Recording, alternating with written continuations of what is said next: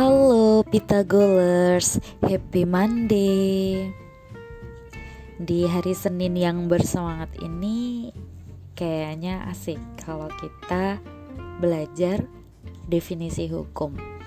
Sebelum kita belajar tentang sistem hukum sebagaimana episode sebelumnya. Hukum itu apa? Hukum itu merupakan kumpulan peraturan yang berisi perintah dan larangan yang mengurus tata tertib suatu masyarakat dan harus ditaati masyarakat. Ada banyak definisi hukum menurut para ahli.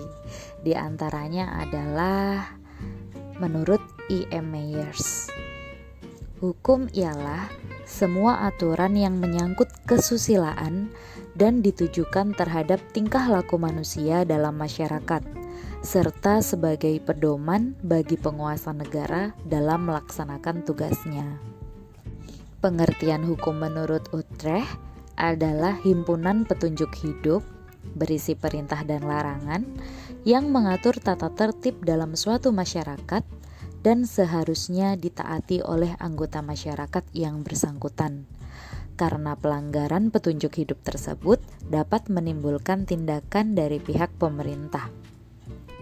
Menurut Simoran Kir, hukum adalah peraturan yang bersifat memaksa dan sebagai pedoman tingkah laku manusia dalam masyarakat yang dibuat oleh lembaga berwenang serta bagi siapa yang melanggarnya akan mendapatkan hukuman. Menurut Amin, hukum adalah kumpulan-kumpulan peraturan yang terdiri dari norma dan sanksi-sanksi serta bertujuan mengadakan ketata tertiban dalam pergaulan manusia sehingga keamanan dan ketertiban terpelihara. Sedangkan menurut Tirta Atmaja, hukum merupakan semua aturan atau norma yang harus diturut dalam tingkah laku, tindakan-tindakan dalam pergaulan hidup dengan ancaman meski mengganti kerugian jika melanggar norma itu akan membahayakan diri sendiri atau harta, umpamanya orang akan kehilangan kemerdekaannya. Yang pengertian ini agak ribet ya, tapi intinya sama sih, kurang lebih. Nah, dari beberapa pengertian yang tadi saya bacakan, itu kita bisa lihat ternyata hukum itu terdiri dari beberapa unsur Unsurnya antara lain yang pertama, peraturan mengenai tingkah laku manusia dalam pergaulan masyarakat. Unsur ini nih yang kemarin aku sempat uh, mention kalau kenapa sih kok kita diatur-atur karena memang salah satu unsur hukum itu mengatur tingkah laku manusia dalam pergaulan masyarakat. Unsur yang kedua, bahwa peraturan itu diadakan oleh badan-badan resmi yang berwajib. Contohnya, aturan kita di sini kita memiliki badan legislatif yang tugasnya salah satunya adalah membuat peraturan perundang-undangan. Unsur yang ketiga, bahwa peraturan itu bersifat memaksa. Hmm, memaksa di sini artinya bagi barang siapa yang melanggarnya akan memperoleh atau dikenai sanksi. Lanjut ke unsur keempat, adanya sanksi terhadap pelanggaran peraturan tersebut adalah tegas.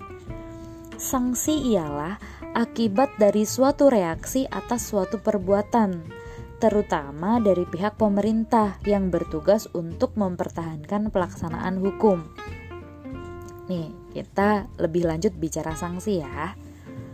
Menurut pasal 10 Kitab Undang-Undang Hukum Pidana, ada beberapa macam sanksi, yaitu sanksi pokok dan sanksi tambahan. Sanksi pokok apa? Sanksi pokok itu terdiri atas hukuman mati, hukuman penjara, kurungan, dan denda. Kalau sanksi tambahan terdiri dari yang pertama, pencabutan hak-hak tertentu, yang kedua, perampasan barang-barang tertentu, dan yang ketiga, pengumuman keputusan hakim. Dari situ kita tahu bahwa ada dua ciri-ciri hukum yang menonjol. Yang pertama, oh, hukum tersebut ternyata ada perintah dan atau ada larangan. Kemudian, perintah dan atau larangan itu harus ditaati semua orang. Karena kalau tidak ditaati atau kalau dilanggar, maka akan dikenai suatu sanksi. Wih, pagi-pagi udah ngomongin sanksi. Terus, apa sih sebenarnya tujuan hukum itu? Sebagai mahasiswa ilmu, sebagai mahasiswa hukum, tiga, tiga tujuan hukum yang paling terkenal di kalangan kita itu ada tiga, yaitu kepastian hukum, keadilan, dan kemanfaatan. Tapi coba kita kupas uh, tujuan hukum menurut para ahli dulu ya. Di sini aku bakalan bacain uh, contoh tujuan hukum menurut empat ahli.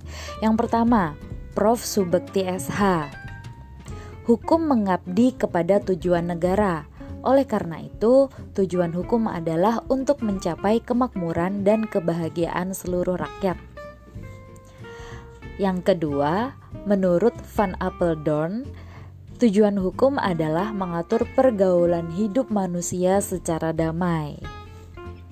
Yang ketiga, Jeremy Bentham, hukum bertujuan untuk mewujudkan kebahagiaan yang sebesar-besarnya bagi sebanyak mungkin orang.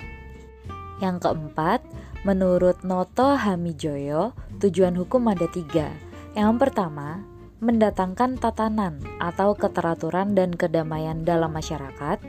Yang kedua, mewujudkan keadilan, dan yang ketiga, menjaga supaya manusia diperlakukan sebagai manusia. Sehingga dapat disimpulkan bahwa hukum memiliki tujuan tertentu yang mengarah pada upaya memberikan perlindungan kepada kepentingan individu ataupun masyarakat secara seimbang.